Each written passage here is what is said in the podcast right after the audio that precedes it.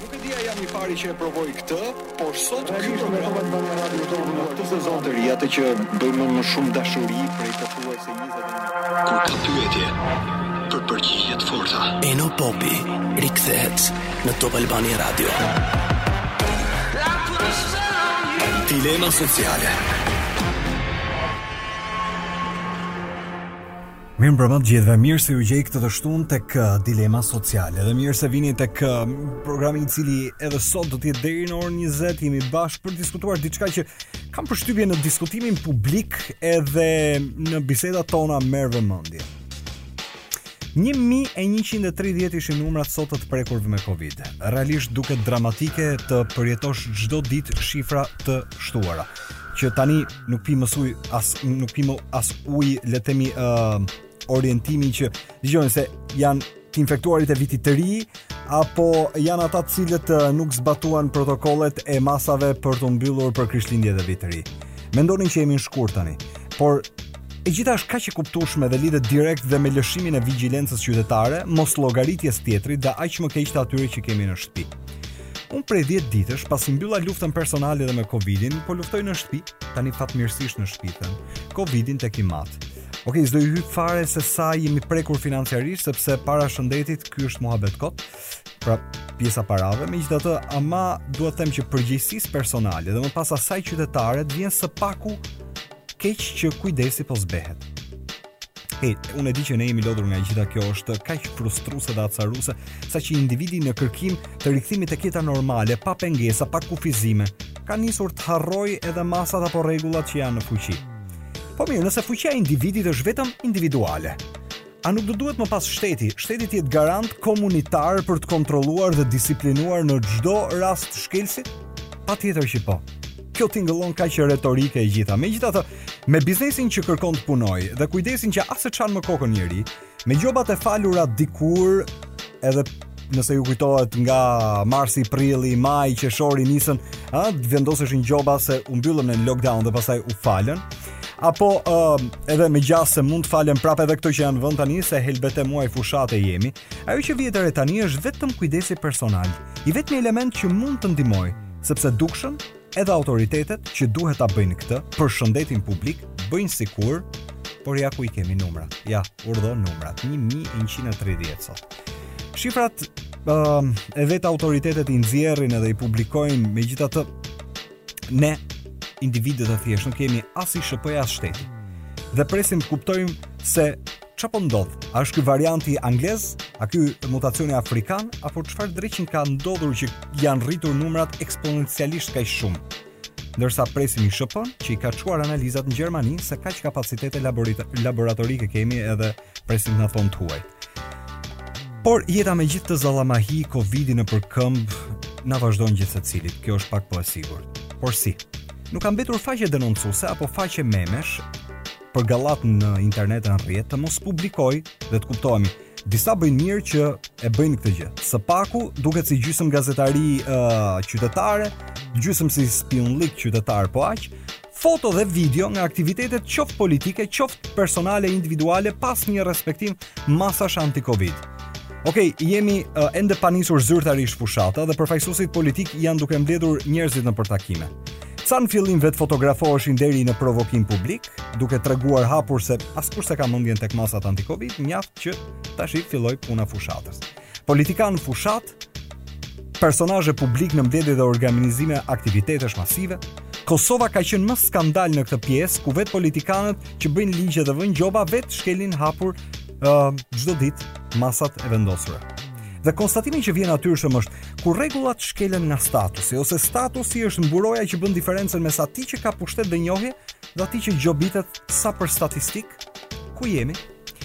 Unë do të dëgjoj vetëm pas pak Ermal Hasimen. Ai është um, pedagog po aq një uh, vrojtues i vëmendshëm i gjërave që ndodhin në shoqëri. Edhe për të folur pak mbi këtë që sapo ngritëm si pikëpyetje në fund në raport me statusin, individin, kush është më i fortë dhe kush realisht mbi kë realisht vendoset forca e ligjit dhe e gjobave. Pastaj pres që të diskutoj sot, do ta kem në telefon zëvendëskryeministrin Erion Braçe. Me zotin Braçe pyetjet do duhet të jenë direkte për në fakt edhe çfarë ndodh me politikën sot për ata që shkelin ligjin, por edhe për ata që ai vetë i denoncon. I denoncon rasti i fundit i denoncimit ishte rasti Ermal Mamaqi. Dhe po ashtu pastaj Erion Kristo.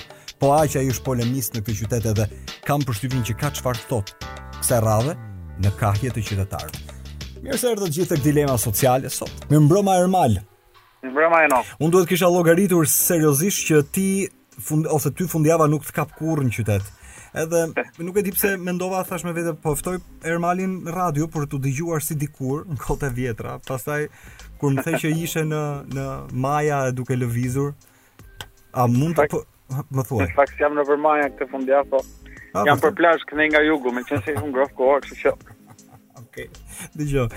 Në fakt kjo është t'i bësh zili dikujt që në shkurt ti paske nis plazhin. Jo, e kam nuk e nuk është se e kam pushuar që tani në shkurt, se domethënë për plazh jam vazhdimisht, po tashti veçanërisht meqenëse ishte koha më e ngrohtë. Ha ha ha, domethënë, deri në nëntor ti je zhytur? Jo, para një muaj u lava, u kënaqa në Himarë. Do është rregull kjo gjë. Nuk është aq ftohtë sa duket ai, na duhet ta provosh.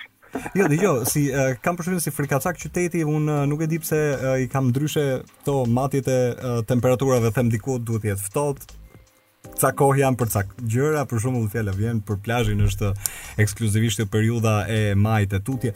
Uh, Ermal, unë të falënderoj që erdhe dhe je në program. Uh, do doja që të diskutoja me ty diçka që rëndom tani më po i jepet vëmendje sepse realisht midis njerëzve sot në një klimë e cila gjithmonë e më shumë në diskursin politik po bëhet më uh, më prezente me takime dhe uh, jo vetëm takime masive, po edhe takime që njerëzit uh, ose politikanët duan të përfshihen në këtë periudhë të fushatës, gjëja e fundit që kanë në mend është të kenë shëndetin kujdes, të ruajnë veten dhe të tjerët. Po harrohet tani më. Unë nuk e di nëse e ndjen dhe ti këtë, por unë e shoh vazhdimisht prezente. në formën e një lloj relaksimi, do thua se njerëzit ruhen më pak. Ja, pa, pa diskutim, kjo është e dukshme, nuk e di a ndjen ti këtë. Po, po, jo e ndjej, po është është normale, nuk është diçka që është specifike për Shqipërinë, në fakt është normale. Vjen një moment ku mësohesh në një farë mënyrë me rrezikun edhe lodhesh. Të bëhet e zakonshme dhe kjo është arsyeja pse ne ruajmë jemi rujt 100 herë më tepër atëre kur kur shikonim lajmet e Italisë dhe këtu kishim shumë pak raste, ndërkohë që tani që i kemi rastet gjitha këtu, Kemi më pak frikë, jemi mësuar në fakt dhe kjo na na bën që të duket edhe qesharake periudha kur kur ishim paranojakë praktikisht unë mbaj mend veten duke la lekët, domethënë në lavaman. Kështu që Po ti je ti ti e vëre që po. ti e vëre që është ulur vigjilenca publike Ermal. Ë është ulur, po duhet pas parasysh një pjesë e njerëzve dhe e kanë kalu. Uh, disa të tjerë pastaj u ndodh ky procesi që sapo thashë që mbas një viti lodhje psikologjike fillojnë edhe edhe lëshojnë nga pak. Na duket sikur mësohen me me me rrezikun. Po është e vërtetë që është e vërtetë që njerëzit në një farë mënyre e kanë e kanë lëshuar. Unë tash jam në Gjirokastër këtu për momentin mm. dhe me thënë vërtetën nuk po shoh në rrugë absolutisht asnjë njeri vetëm me maskë. Megjithatë, tani dua që ta kthej pak eh, nga pjesa tjetër. Unë thashë individi në aspektin personal do duhet eh, edhe ka njerëz unë i njoh nga ata që ruhen, vazhdojnë e ruhen, të tjerë që janë lëshu fare, edhe vigjilencën e kanë ulur pothuajse zero. Por kur vjen gati i imponuar nga lart, ti ke vazhdimisht shembuj të denoncuar nga politikanët deri tek personazhet publike që nuk po pyesin më. Tani o po bëjmë sikur kemi ligje dhe kemi shtet që vëzhgon ose praktikisht ë uh, këtu që secili është i fortë dhe shef uh, shef punët e veta. E, e vërtetë është, e vërtetë është, kemi parë gjatë disa kohë domun që ka grupime publike pak a shumë të, të ndryshme, por kam përshtypjen që edhe Edhe mënyra se si është konceptuar edhe nga ata që kanë i kanë marrë vendimet nga vendimi i marsit, domethënë si, si është konceptuar kuadri le të themi normativ, është është pak e çuditshme, në sensin që është konceptuar si si një lloj imponimi uh, formalisht ligjor, po jo realisht ndëshkues, le të themi. Dhe kjo është arsyeja pse ato gjobat u, u falën dy herë rresht në fakt. dhe shikojmë që në fakt edhe edhe ata që zbatojnë ligjin kanë një farë ë pajtimi për për njerëzit e thjeshtë do quaja mirëkuptim, ë, sepse shohim që polici i shikon, i thotë që mm. s'e ke këtë gjë, po okay, në rregull, po po ta falim si të thuash. Në fakt është pothuajse normale, sepse është një situatë shumë e pazakontë, nuk është shumë normale t'i dhe në ca aspekte as, as e drejtë në fakt që t'i kërkosh njerëzve që të kufizojnë liritë e tyre personale uh, për shkak të një rreziku të caktuar. Do të debatet e tilla janë sot në janë kudo. Sot po ndiqja një debat në televizion francez, që është çështja e pasaportës së, së virusit. Edhe po thonë që nëse vendos një pasaportë për t'u futur nëpër teatro, restorante etj etj, është një pasaportë diskriminuese sepse ka njerëz që nuk janë nuk është se nuk duan ta marrin vaksinën, por thjesht nuk e kanë mundësinë. Qartë, që, jam jam shumë um, po aq jam dhe unë në korent, po aq i lexoj dhe dëgjoj këtë punën, sidomos tani që nënkuptohet edhe nëse mund të udhëtojmë normal, pra a mund ta marrim ne uh, avionin për të udhëtuar me këtë pasaportën e uh, vaksinimit apo jo? Qasja është që një pjesë e mirë e vendeve të BE-s mundet të hapin dyert për ata që janë vaksinuar, Po sa të diskriminuar mund të ndiheshim ne në këtë pikë kur unë s'e di kur do na vijë rradha për t'u vaksinuar si popullatë, kur të kemi kap 98% imunitetin e turmës, këtë këtë do ta shohim. Megjithatë vijmë pak tek ajo që ndodh në Kosovë. Në Kosovë kanë qenë po aq në atë që quhet gazetaria qytetare apo denoncuese, më agresivë në raport me denoncimin e politikanëve që në mes të pandemisë mbledhin me qindra veta Ndoshta ne nuk jemi ende në këto shifra, por edhe këtu tek ne politikanët me qejf të madh për të raportuar në komunikimin e tyre dixhital dhe online tregojnë se mbledhin njerëz masivisht pa asnjë lloj mase. Ca mbajnë maska, ca s'mbajnë maska, po kjo dhjetëshja që është standard e ligj tani më nuk po respektohet. Pse për po. për këta që i bëjnë ligjet, për këta praktikisht Për këta që vetë i kërkojnë ligjet, pra praktikisht për këta nuk nuk kërkohet llogari. Kjo është e përgjithshme në çdo fushë pak a shumë, ëh. Ata që zbat, ata që zbatojnë më pak ligjin janë gjithmonë ata që kanë më tepër pushtet, domethënë bëj si them unë, po mos bëj si bëj unë. Dhe në Shqipëri, problemi, problemi nuk është nuk është se çfarë bëjnë ata sepse njerëz të tillë janë të prirur ta bëjnë këtë gjë. Problemi është si e perceptojnë njerëzit këtë gjë. Mm. Sepse ë uh, ky është ky është ky është problemi i përgjithshëm te ne. Domethënë ne nuk nuk e shohim për problem dikujt që ka pushtet, dik, dikujt që është i fortë. Shqiptarët kanë prirje t'ia marrin nervin atij që është i dobët, atij që e kanë poshtë vetes. Kurse dikujt që që është sipër, që është i fortë, nuk ka rëndësi se çfarë çfarë çfarë ka bërë, domethënë atij do t'i marrin dorën dhe ta puthin dhe ta përqafojnë sepse se ka potencialin e pushtetit në dorë. Sidomos te rastet e miting e takimeve elektorale, duhet pasur parasysh që ta them që në takime elektorale nuk merr pjesë elektorati kundërshtar dhe as elektorati i pavendosur. Marrin pjesë ato që shikon në televizion, kur shikon një politikan me, me 50 uh, njerëz aty rrotull janë gjithë militantë e partisë. Nuk kështu organizohen takimet në Shqipëri sepse do vi kamera, do bëhet kjo ajo. Asnjeri që është i partisë kundërshtare nuk shkon edhe as dikush i pavendosur se Nuk do që ta shohin në një mjedis partiak. Kështu që ata njerëz janë kanë një lloj lidhje të të të tillë të themi shpirtërore me me atë që flet si politikan. Nga ana tjetër vetë politika, politikani pastaj është mësuar në këtë lloj mjedisi ku njerëzit ja tolerojnë shkelje të tilla, ja tolerojnë edhe edhe eksesin e tejkalimin e shpejtësisë, ja tejkal ja ja lejojnë ja lejojnë në fakt dhe tolerojnë edhe gjëra shumë më të rënda se sa kaq. Ja tolerojnë edhe vjedhjen. Domethënë ke njerëz që i ti shikon gjithandej me edhe me video, me dëshmi, me me akuza, me gjitha gjërat, domethënë me me me përgjime të tjera që janë hajdut. Mm -hmm. Edhe në fund të fundit i shikon nëpër studio televizive, askujt nuk i bën përshtypje, kur dalin rrotull do ta përqafojnë, do ta lavdrojnë etj etj. Domethënë ky është ky është një problem moral që e kemi ne si si si si popull në përgjithësi dhe kjo pikërisht kjo ju mundëson këtyre njerëzve që që ta kenë atë lloj ndjenjën e e, e garancisë nga nga ndëshkimi i ligjit. Ajo, e kuptoj. Megjithatë kjo është e fundit Ermal edhe pastaj nuk të marr më shumë kohë. Gati në formë vertikale, duket sikur më të pabindurit poshtë e kanë një justifikim në xhep personal, duke thënë që shife çfarë bëhet lart tani.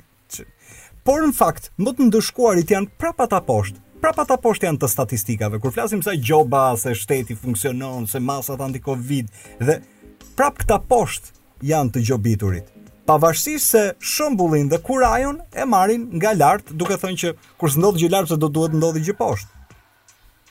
E patjetër, e, se domethënë përjashtohet e keqja nga vetja gjithmonë, domethënë. Ideja është që, se, e keni parasysh dhe muhabetin tipik me shqiptarë që ky vend s'bëhet se jemi pis milet e të tjera të tjera. Domethënë, në momentin që e themi këtë gjënë, e përjashtojmë gjithmonë veten nga, nga, nga, nga objekti i kritikës, o. Po, në fakt, Në qoftë se ky vend nuk bëhet, nuk bëhet sepse jemi të gjithë kështu, ose të paktën shumica dërrmuese, masa jonë kritike.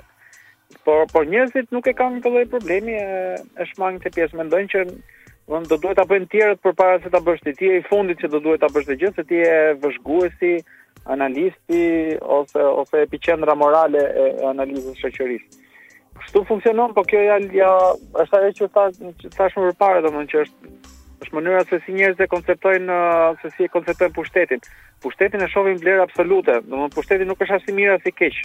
Pushteti është potencialisht potencialisht ndikues në jetën tënde dhe si i tillë do të kesh marrëdhënie të mira, duhet ta ta ta respektosh, ta mbash mirë.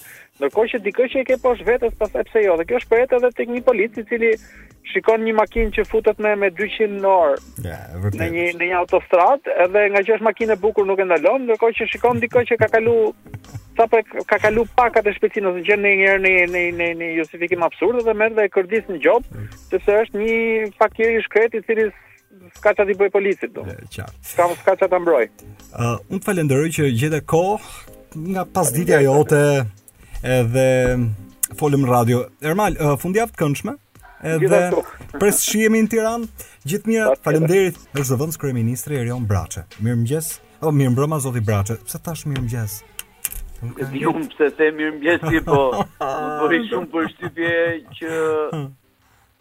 Më bëri shumë përshtypje që e more me të qeshur atë orën 22. Jo, nuk e mora me të qeshur, e mora seriozisht. Prandaj, prandaj dole në mëngjes kam përshtypje. Prandaj dola në mëngjes, ke të drejtë. Se më foli koshienca. Ke parasysh zëri i brendshëm, kam thënë se ora 10 e mëngjesit. Unë nuk e dija që paskam qenë me këmbë të mbarë, që Juvja është uh, në avantazh, pra Juvja po loz me Romën tani edhe ti je duke ndjekur. Është 1-0. Po kështu është 1-0 për pak desh u bë 2. Po.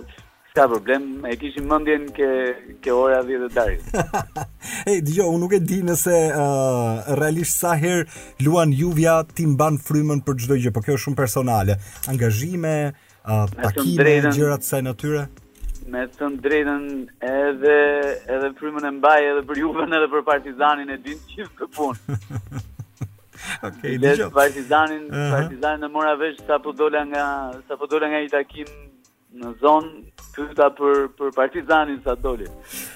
Se s'pata mundësi ta shikoja, pse me thënë të drejtën e kemi të ndaluar të hymë për klube dhe të shojmë sportin, të grumbullohemi atje, po të paktën mora vesh rezultatin. Erion, vijmë pak, ose më lejo të të them, Zoti Braçe, vijmë pak tek takimi yt dhe jo vetëm, tek ajo që ju jeni duke bërë si njerëz të angazhuar në politikë në këtë periudhë pandemie. Mm -hmm. Unë e di që, domethënë, masat janë, dhe masat për grumbullimet masive kanë të kërkuar këtë, literalisht, 10 dhe jo më shumë. Mm -hmm. Kam parë që disa i ke denoncuar, disa i ke treguar me gisht, edhe përtej kampit kundërshtar, edhe brenda vetes, nuk po shkon ashtu siç duhet. Domethënë, të shofim, po të shofim, të shofim brënda politikës, janë ata që vazhdimisht, pra unë e di tani që kanë nevojë për kontaktin me njerëzit, po e shkelin ligjin. Eno, nuk po shkon dhe unë un mendoj që fushata më e mirë elektorale që mund të bënte gjithsecili nga ne në këto momente, do të ishte pikërisht mbrojtja e njerëzve nga, nga pandemia. Ne jemi detyruar Këtë javë që po mbyllet në në Bashkinë e Divjakës që të mbyllim gjithë tregjet publike. Domethënë, tregjet e, e fshatrave duke filluar nga ato tregjet e mëdha ditën e hënë në Gradisht me radhë pastaj në Kmishtaj, Mërtish, mm. duke vazhduar në Grabian, duke vazhduar në Divjakë brenda ne i mbyllëm të gjitha gjatë javës që shkoi pikërisht për këtë arsye, për të mbrojtur njerëz. E kuptojmë që Ka patur reagim, një pjesë e njerëzve edhe janë ankuar, por unë mendoj që shëndeti është i pari. Dhe për sa kohë ne sot në Divjakë kemi mbi 150 njerëz të smur masiv, ë, aktiv, mm -hmm. aktiv. Pa diskutim që masat ë duhet të jenë të tilla. Po flas për Divjakën që është njësi e vogël. Imagjinoni Lushnjën më tutje, imagjinoni Fierin dhe për të ardhur ke ato që janë vatrat më të nxehta të koronavirusit sot, ë që flasim që është Tirana dhe Durrësi. ku politika me atë që bën, të tjerë njerëz me ndikim në publik me atë që bëjnë, po? Natyrisht që jo vetëm s'mbrojnë njerëzit, po i japin një mundësi akoma më të madhe virusit për t'u përhapur edhe më masivisht. Pyetja që vjen logjikshëm është ku është shteti këtu. Domethënë, si nuk ka një shembull reagimi konkret, për të mos shkuar uh, në formë vertikale nga shembulli që vjen keq lart dhe poshtë ka një shkrehje totale që kur e bëjnë këta lart ne poshtë s'kemi problem fare. Shiko, për për këtë ke shumë të drejtë. Në në qoftë se duhet të ketë shembull, shembulli i parë duhet të jetë zyrtari i parë i shtetit. Nuk e diskutoj këtë fare. Duhet të jetë shembull transparence dhe mbi të gjitha shembull i zbatimit të masave ë uh, ligjore që janë në fuqi për t'u mbrojtur nga koronavirusi vetë e për t'u mbrojtur komunitetet gjithashtu. Në qoftë se nuk e bën i pari, s'ka tjetër që do do do vijojë. Në qoftë se i pari i këtij vendi, shkon në një fshat apo shkon hyn nëpër shpia. Pa maskë. Pa maskë. Pa mbajtur asnjë lloj distance. Mbi të gjitha, shkon në ceremoni mortore. Të cilat neve po ua mohojmë qytetarëve tanë Unë, për shembull, në Divjakë nuk po lë të zhvillohet asnjë ceremoni mortore me më shumë se sa 10 veta që janë rrethi i vogël familjar.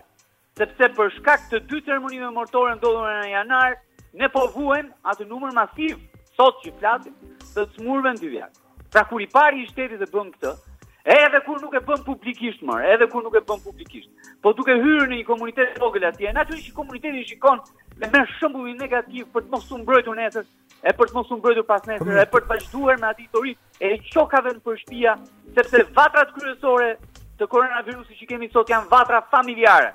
Dakord. Dhe qokat që bëjmë nëpër shpia, qokat që bëjmë nëpër shpia, që e marrim vesh që ai tjetri është smurë dhe i shkojmë në shpi, i shkojmë në shpi me komposto, me një qese me limona, me një qese me portokale, të tëra po kthehen vatra themelore të virusit nëpër shpia. Dhe, ti ke shumë të drejtë, kur kjo nuk ndodh në rangun e lartë të shtetit, Pa diskutim që mesazhi që përcillet poshtë është krejtësisht negativ. Prandaj unë shpeshherë jam jam shumë i irrituar. Qartë, megjithatë vijmë pak duhet të që vijmë pak këtu. Po. Kur un dal, kur un dal dhe shkruaj në Instagram, postoj aty, hmm. postoj në Facebook, do të thotë që më ka ardhur shpirti në majë të hundës. Po, po ta them sinqerisht. Po, po, po jam flasim pak hapur tani.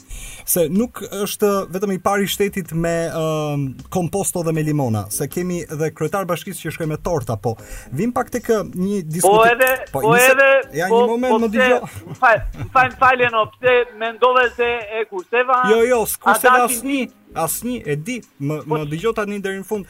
Po thosha, Erion, në raport me atë se ti personalisht më njeh dhe nuk ma merr për keq. Unë nuk mendoj që ti do duhet të jesh xhandar i këtij vendi. Unë mendoj që dhe, institucionet nga policia deri tek ata që paguhen për të për t'u marrë me vëzhgimin publik me me uh, garantimin e masave, ata do duhet të jenë në linjën e parë. S'ka pse hyn ti deri në uh, pengim të ose në kontrollim se ku shkon në varreza. Domethënë unë e kuptoj këtë pjesën e kontributit, po Ku janë të tjerët? Ku janë të tjerët? Shiko, nuk, Ku janë? Nuk, e, nuk, nuk e gjejmë dot këtë gjënë. Për shembull, mua sot gjithë ditën kam postuar diçka që lidhet drejtpërdrejt me me çmimin e plehrave kimike. Është një moment pik tani, në në këtë moment që flasim, është një moment pik i i i punëve në bujqësi ku bujqit duan me patjetër të plehrojnë. E pikërisht se duan të plehrojnë bujqit tani në këtë moment, ndodh që, ndodh që tregtarët të rrisin çmimet. Të rrisin çmimin në mënyrë abuzive pa asnjë lloj pa asnjë lloj shkaku. E kisha botuar këtë sot. E postova, reagova, i kërkova institucioneve të bëjnë detyrën e tyre me radhë dhe fillon reagimi. Po mirë, ma ti je në pushtet. Pse s'e bën ti këtë punë? Tani kjo historia hyp se të vrava, zbrit se të vrava, nuk nuk ka fund në këtë vend dhe me thënë të drejtën unë s'po e ngjej s'po e gjej dot ekuilibrin për ta ndarë këtë pjesë një herë përgjithmonë. Por juve keni shumë të drejtë kur thoni që në mënyrën më të qartë të mundshme institucionet duhet të veprojnë. Por mendoni edhe një gjë. Ë uh, punonjësit e policisë së shtetit njerëz janë. Në qoftë se punonjësi i policisë së shtetit shikon një kryetar partie, një kryetare partie në qendër të Divjakës. Pa maskë, pa maskë. Dhe rreth e qark kësaj, edhe 20 të tjerë, pa maskë që demonstrojnë dhunë, mu në mes të qytetit, po çfarë do bëjë ai punonjësi i policisë së shtetit? Më thuaj. Shkon dot ai t'i flasi asaj kur ajo në në disa raste pa pikën e respektit e ka bërë kryetarin, e ka bërë e ka bërë punonjësin e policisë së shtetit qep aze. Po të them qep aze okay. dhe publikisht. Pra i bie, i bie. Edhe këta, edhe edhe këta, edhe edhe punonjësi i policisë së shtetit njeri është. Edhe ai është me halle. Një pjesë e madhe e tyre janë sëmurë me koronavirus. Unë i kam pasur vetë, e gjithë posta e policisë së së Divjakës në më shumë se 3 raste është depistuar totalisht për shkak të prezencës së virusit pranë postës së policisë Divjakë. Tani janë njerëz edhe ata dhe duhet t'i mirëkuptojmë ata.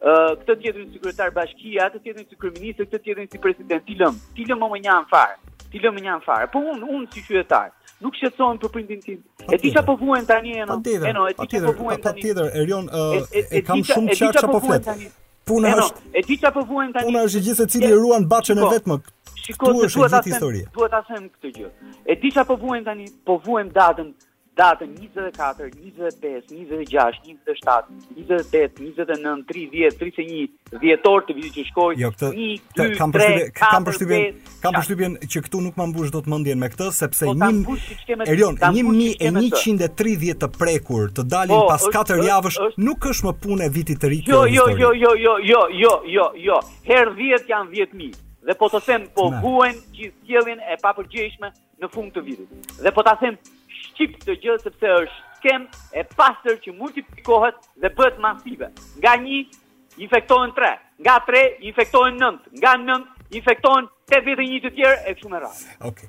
Ëm um, po dëgjoja kryeministrin i cili në fakt tha uh, Erion Braçën e kam si mace, edhe është gati kështu si um, vëzhgues i mirë i gjërave që domethënë edhe nëse diçka harron të kujton.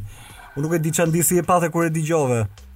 Me thënë të drejtën nuk e dëgjova se isha me isha me një dyqan kur ma çoi ma çoi një mikeshe imja këtë gjë, e kishte postuar një gazetë dhe ma çoi një mikeshe imja po. Ë uh, shiko, unë nuk ndahem nga këto jo, jo, nga këto fjalët. Me thënë të drejtën, unë dua që të kryhen veprimet.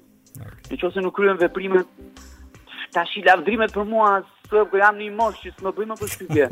Eno, me të drejtë. Po lavdrim matë. Tash unë dua, o, o, eno, unë dua, unë dua, që ata bujqit atje atje në në në Myzeqe mos humbin kohë. Dhe mos humbin kohë për për llafeve. Ajo mafia është hedhur në qafë para një javë, një javë sa. Duke kërkuar që ej, kjo skema me kjo skema me aplikime, E vërtetë. Për fermerët që duhet të humbin një ditë të tërë për të aplikuar etj me radhë, nuk nuk më pëlqen, sepse ju merr kohën. Atë kohë që ata duhet ta shfrytëzojnë ke sera, ke toka, ke punët etj me radhë, duhet ta shfrytëzojnë për zyrat e shtetit. Mua kjo nuk më pëlqen. Dhe janë janë gati 10 ditë të humbura Eno.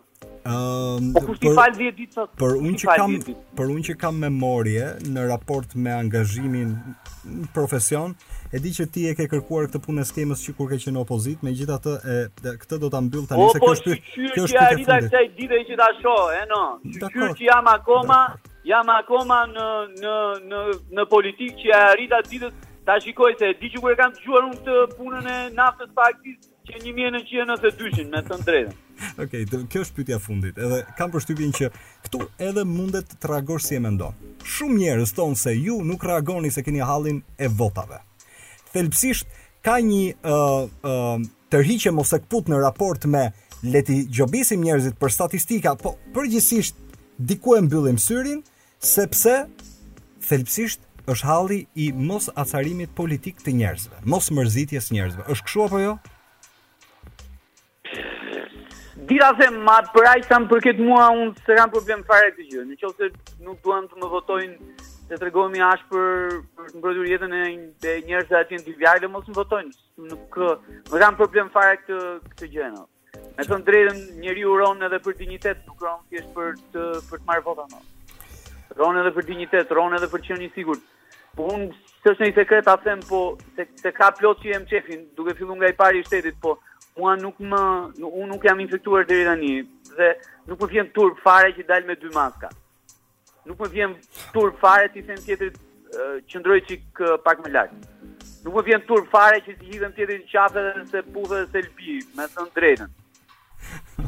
Nuk më vjen turp fare që s'i jap dorën biles sikur ta heqim këtë zakonin e dhënies së dorës edhe edhe të lëpirit në të pesë herë në në dy herë në një faqe, tre herë ke faqja tjetër, domethënë nuk është një gjë e keqe. Në qoftë se kjo përkthehet në votë të munguar për mua, as më bëhet vonë fare, as dua t'ia di fare, mua më intereson shëndeti, shëndeti im, i atyre njerëzve që punojnë me mua, i atyre të tjerëve që kontaktojnë, kontaktojnë me mua, i atyre të tjerëve uh, që që punojnë akoma dhe më shumë në një komunitet që është kthyer në një ushtri të madhe tani që është e domosdoshme për zgjedhjet e kështu me radhë, por nuk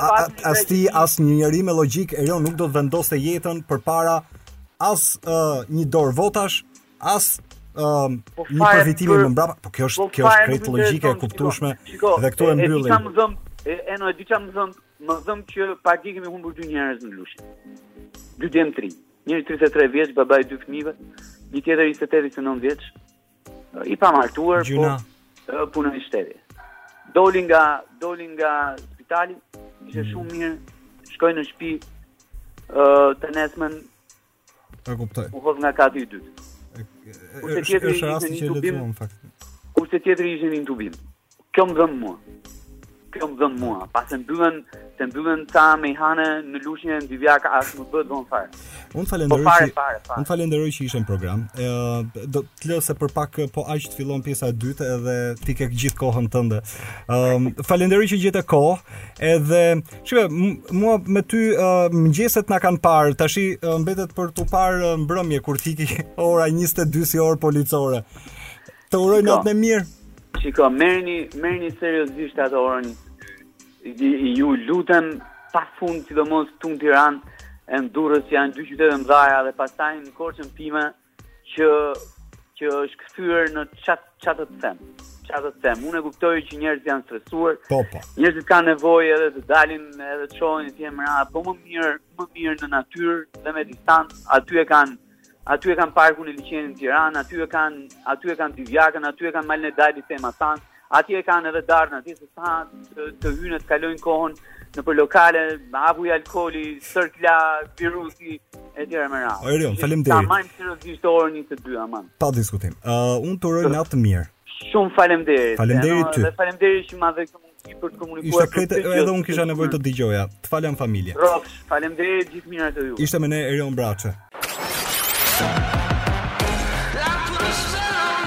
Dilema sociale në Top Albania Radio.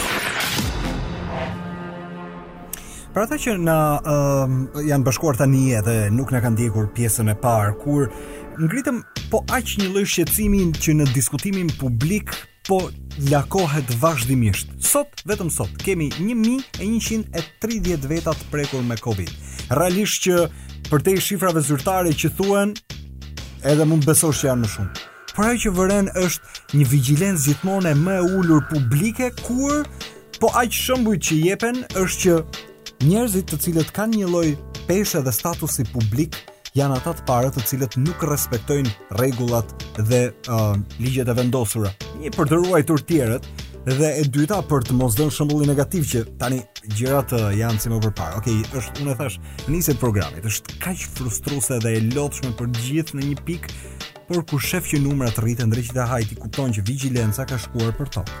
Ermal Hasimja tha duke vendosur gishtin në shtet se në fakt autoritetet tregohen të dobta kur respektojnë më të fortin, por godasin më të dobtin. Dhe këta të fundit janë pastaj në statistikat e policisë që gjobitëm, gjobitëm, gjobitëm.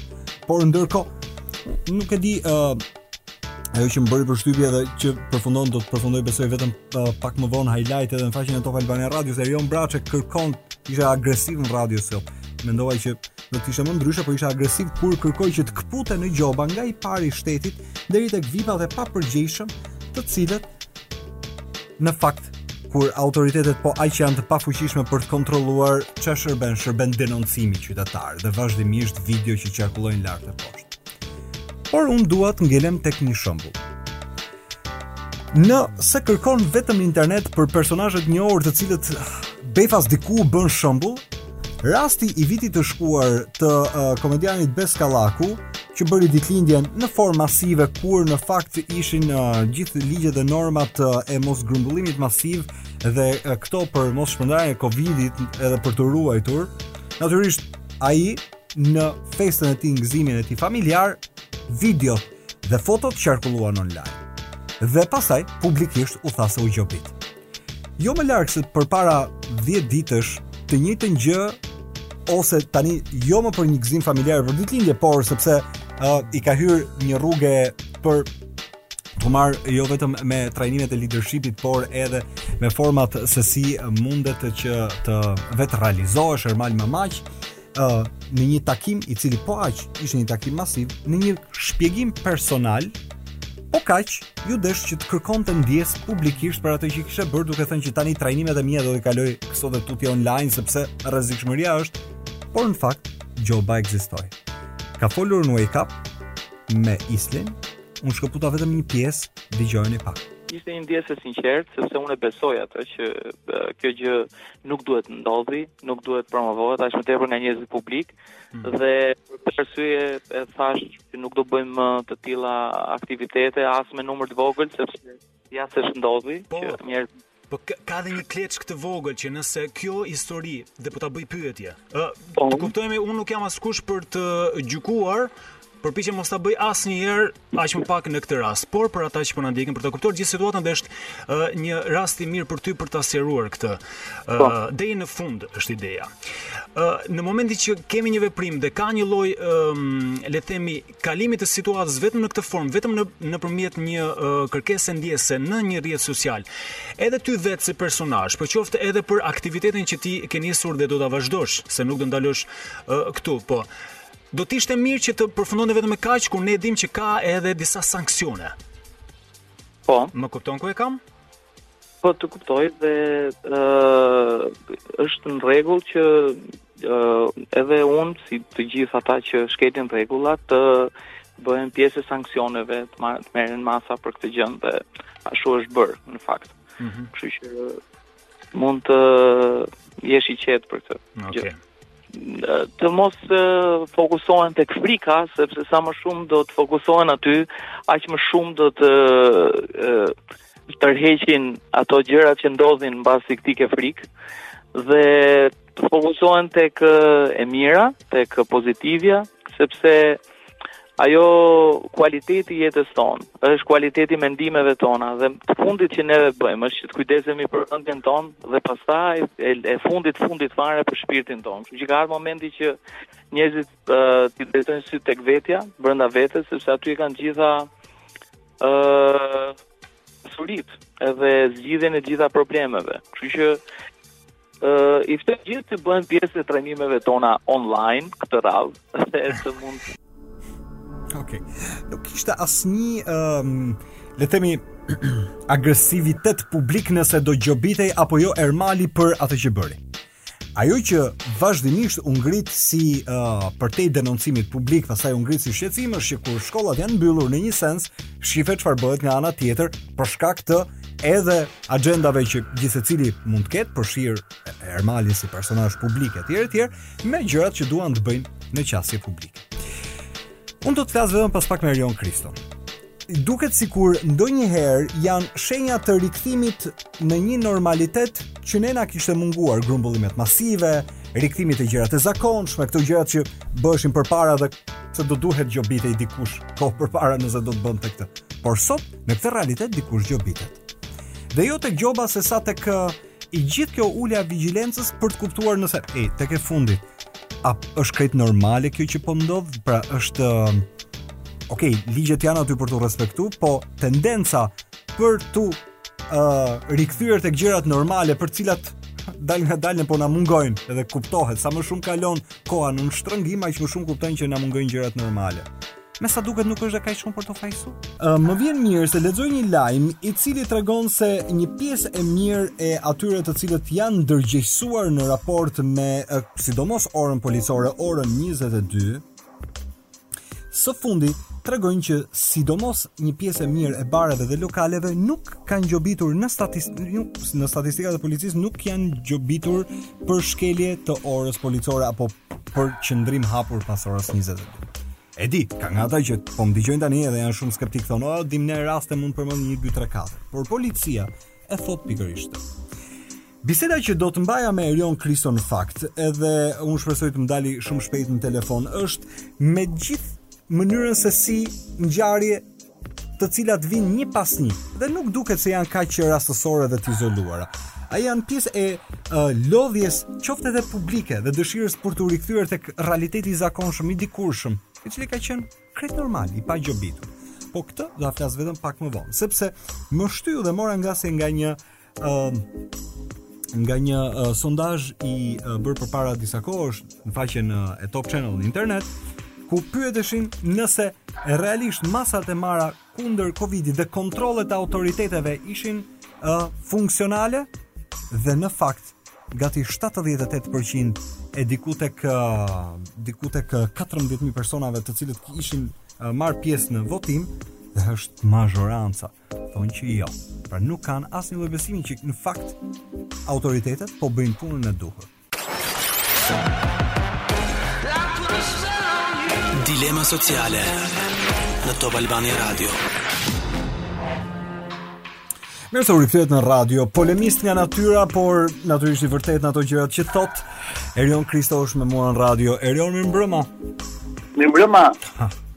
më në fund një moment mendova mos ndosha po ndiqje edhe ti Juven që ka shku 2-0 tani me Romën edhe thashë me vete ka ngelur para televizorit ky s'po më hap telefonin po ja ku jemi për fat të mirë nuk nuk e kam këtë sëmundjen e futbollit që nuk nuk harxhoj asnjë sekondë nga jeta ime për të po ti bëhu me atë që është dhe kryeministri meqë kryeministri është me Juven bëhu dhe ti me Juven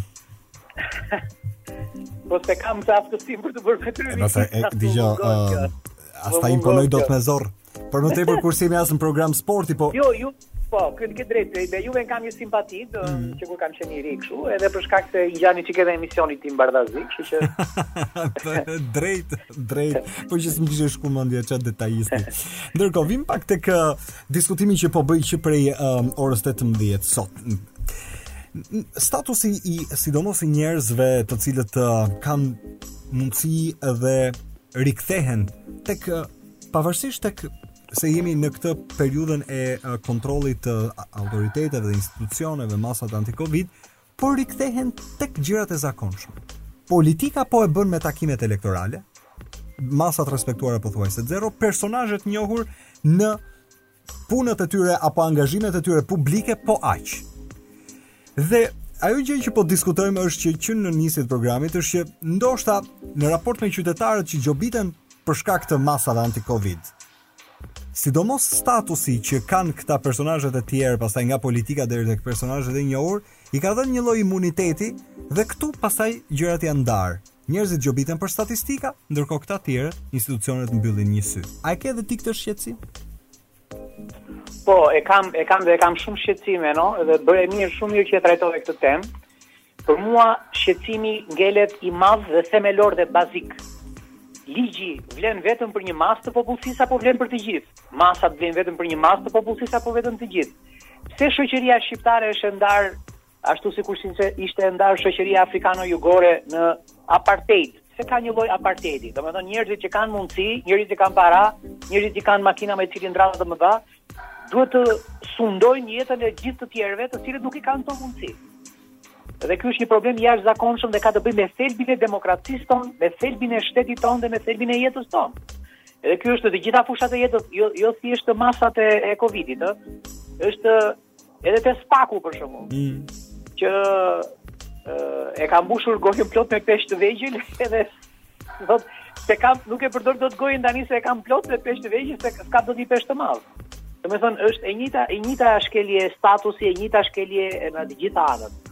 Megjithatë, në fund të fundit, statusi që ti përmende, po i shërben pra, sidomos njerëzve që kanë një lloj pushteti në dukje politikisht dhe jo vetëm, po dhe pushteti publik, që përballë autoriteteve të jenë më kryeneç dhe të mos pyesin shumë.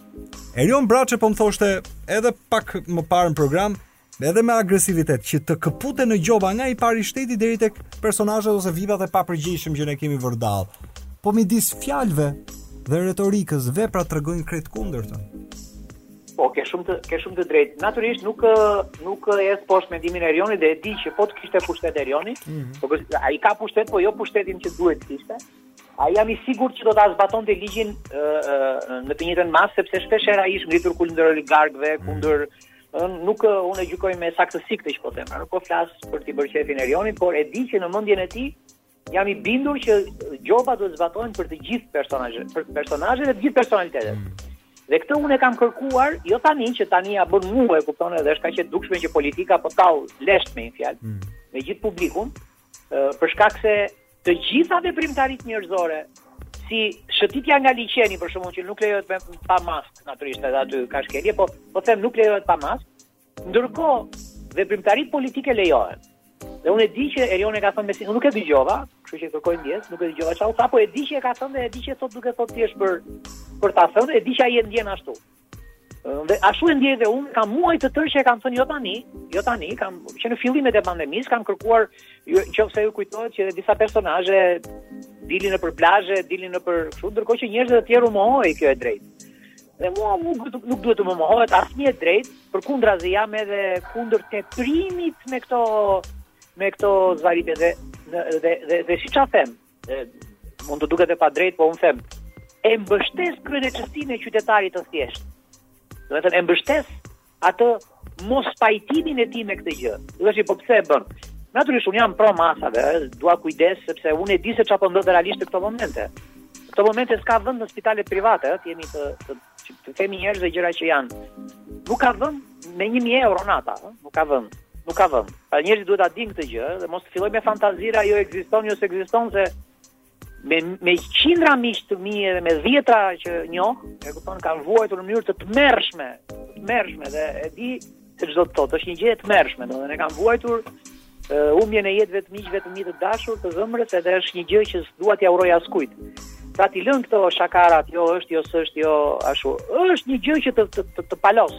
Mos ta diskutojmë më këtë. Ëm uh, vetëm Por, po. Nga ana tjetër, mm -hmm. nga ana tjetër, e kanë tepruar se se për shembull marrin një një një thënie vetëm. Shkollat nuk hapen, por studentët mund të rrinë në kafe.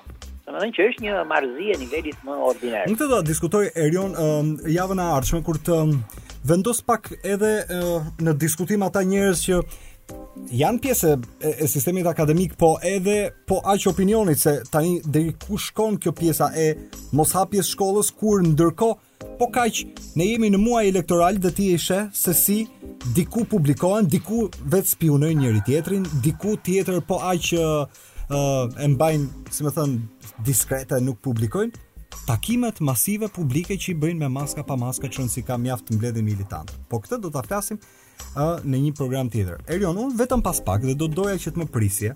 Do doja që të diskutoj me ty nëse tentativa për t'u rikthyer tek normaliteti i bën njerëzit edhe pak të shkelin këto ligjet po. edhe rregullat. Me sa po, duket qenka kaq organike për t'u rikthyer tek gjërat po, e zakonshme. Po, po për këtë? do të pyes vetëm pas pak. Tani kur vim te këta që shkelin, ndonjëherë them me vete, ore këta institucionet, çfarë bëjnë? Me dikë zgjedhin të veprojnë në formë preferenciale apo në fund të fundit thonë, "Dëgjo, t'i justifikojmë ne këta njerëz." Erion po, aty je? Po, të dëgjoj shumë mirë. E këtë po, po thosha.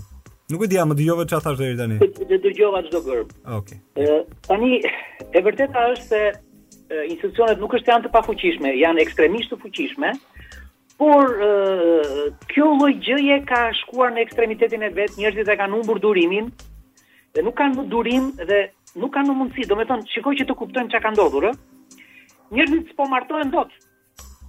E kupton, nuk po përcjellin dot njerëzit e tyre në në në në banesën e fundit. Mm. Ëm nuk po fejohen dot, nuk po natyrisht çfarë shohin sytë e mi.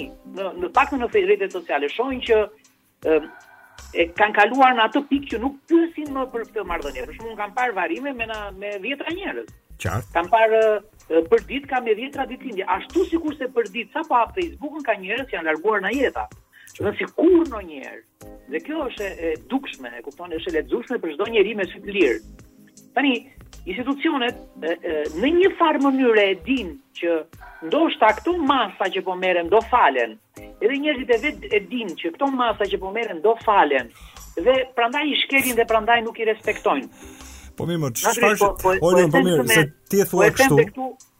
Nuk i përkas asnjë lloj Qartë, qartë, po, po thënë po. kështu dhe dëgjuar siç ti e the, vjen tek një konkluzion që vazhdimisht thuhet, po more çfarë shtet kartoni jemi, kur praktikisht uh, një herë s'e morën seriozisht se bëjnë të fortin, falin.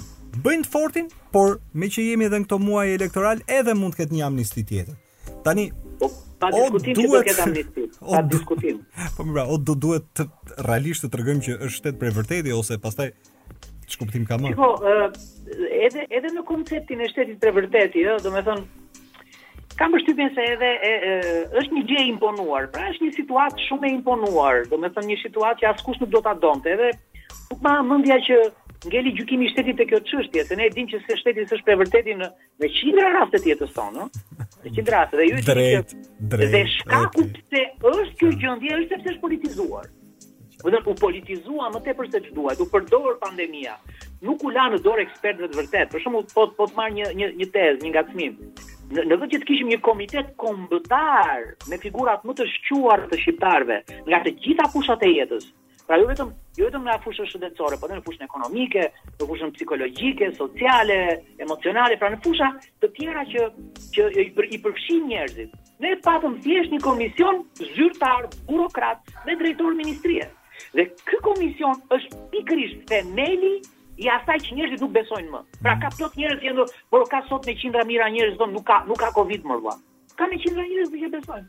Ky është një komplot, është një gjë. Pa natyrisht, që ka në këtë lloj-lloj amendësimesh, lloj-lloj gjërash, trajektore që duhen parë. Por nuk është momenti për t'i parë. Momenti i vetëm është për të ruajtur. Po të them në këto ditët e fundit, në këto ditë që ne po flasim, fluksi është gjigantesk, nuk arrin shteti ta kuptojë fare se ku ka shkuar ose ose di shumë mirë dhe po përpiqet të mbulojë të mbulojë situatën që gjoja s'ka shtet jo por kam përshtypjen që e di shumë saktë ça po ndodh sepse numrat në spitale kanë shkuar atje ku s'mban më por siç ta thashë nuk ka vend në spital nuk ka nuk ka dhe kjo bën do bëjë që pas 2-3 javësh nëse do vazhdojmë me këto ritme të tmerrshme ne ose nuk do kemi nevojë fare për vaksinën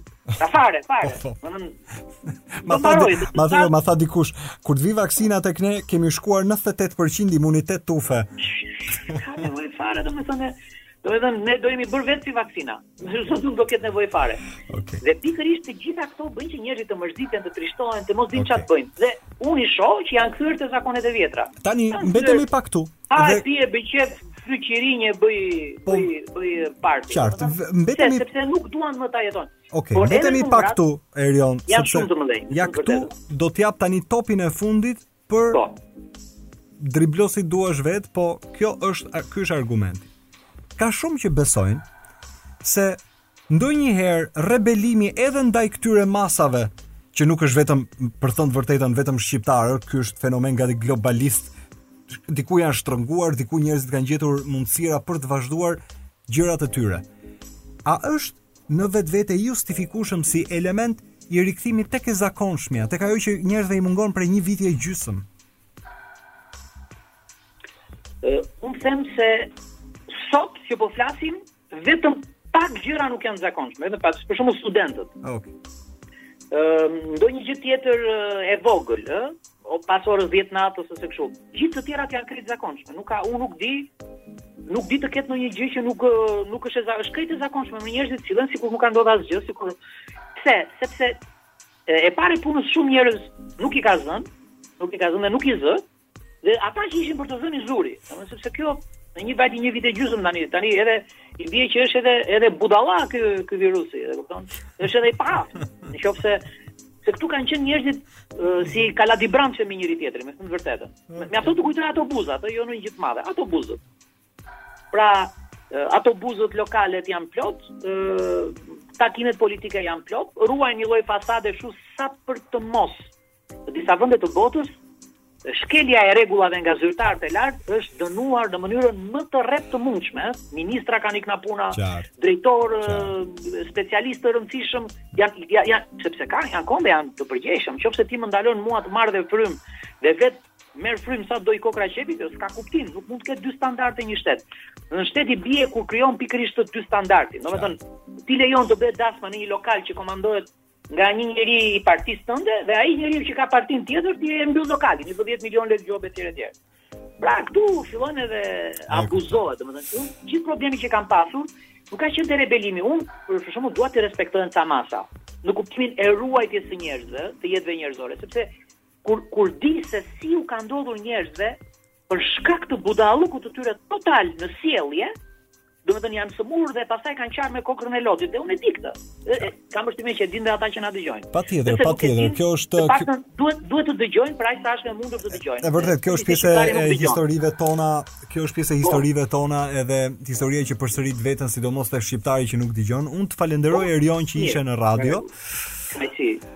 Uh, faleminderit, uroj natë të këndshme, faleminderit që gjete kohë. Gjithashtu dhe gjithë dëgjuesve. Gjithë të mirat, ishte me ne Erion Kristo. Natyrisht, për shqiptarët që nuk dëgjojnë. Po thoja për shqiptarët që kanë vesh tek e fundit, vesh për dëgju dhe për qenë qytetar në fund ditës, sepse llogarinë e kanë të gjithë Kush është qytetar normal me vete? Dhe kjo pastaj është eh, ajo që bën diferencën midis dikujt që e bën qytetarin dhe këtë status e ka të vetin, por dhe njerëzve që statusi që kanë publik i bën që të trajtohen ndryshe dhe mos ndëshkohen në raport me shkeljet që bëjnë, sidomos në këtë periudhë pandemie. Thënë kjo, dilema sociale mbyllet këtu. Ne do të dëgjojmë të enjten, dhe të enjten kam përshtypjen që kemi një diskutim i cili po aq është social në raport me pikpyetjen se çfarë po ndodh sidomos me të rinjtë. Akoma do vazhdojnë sidomos këta të universitetit të rrinë pa shkollë. Po këtë e flasim të enjten. Natën e mirë të gjithëve.